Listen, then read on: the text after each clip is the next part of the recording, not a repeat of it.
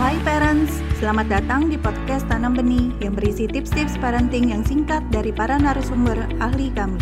Untuk mendapatkan tips-tips terbaru kami, follow podcast Tanam Benih. Yuk kita dengarkan bersama. Hal yang bisa terjadi ketika kita sebagai orang tua belum membangun awareness terhadap emosi kita. Misalkan, kita mengalami sesuatu yang tidak menyenangkan terkait pekerjaan sebelum kita berbicara dengan anak. Artinya, ketika kita mengalami sesuatu yang tidak menyenangkan terkait pekerjaan, kemungkinan emosi kita tidak terlalu positif. Tentu dengan intensitas yang berbeda. Bila intensitasnya cukup tinggi dan kita tidak menyadari bahwa kita masuk ke dalam percakapan dengan intensitas emosi negatif yang cukup tinggi, sebenarnya itu tidak akan membawa percakapan yang efektif kalau kita belum mampu mengelola emosi tersebut.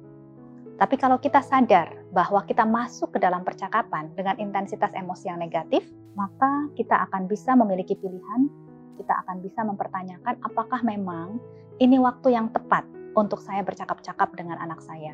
Atau mungkin ini menjadi sesuatu yang perlu saya tunda.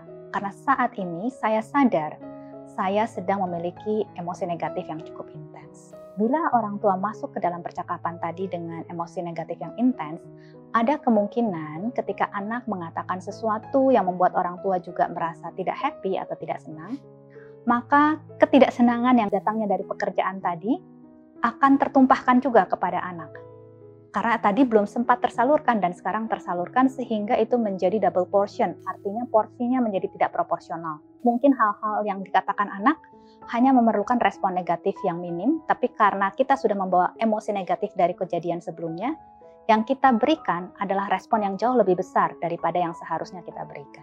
Dan tentu anak akan merasa diperlakukan secara tidak adil, karena memang itu bukanlah perlakuan yang adil.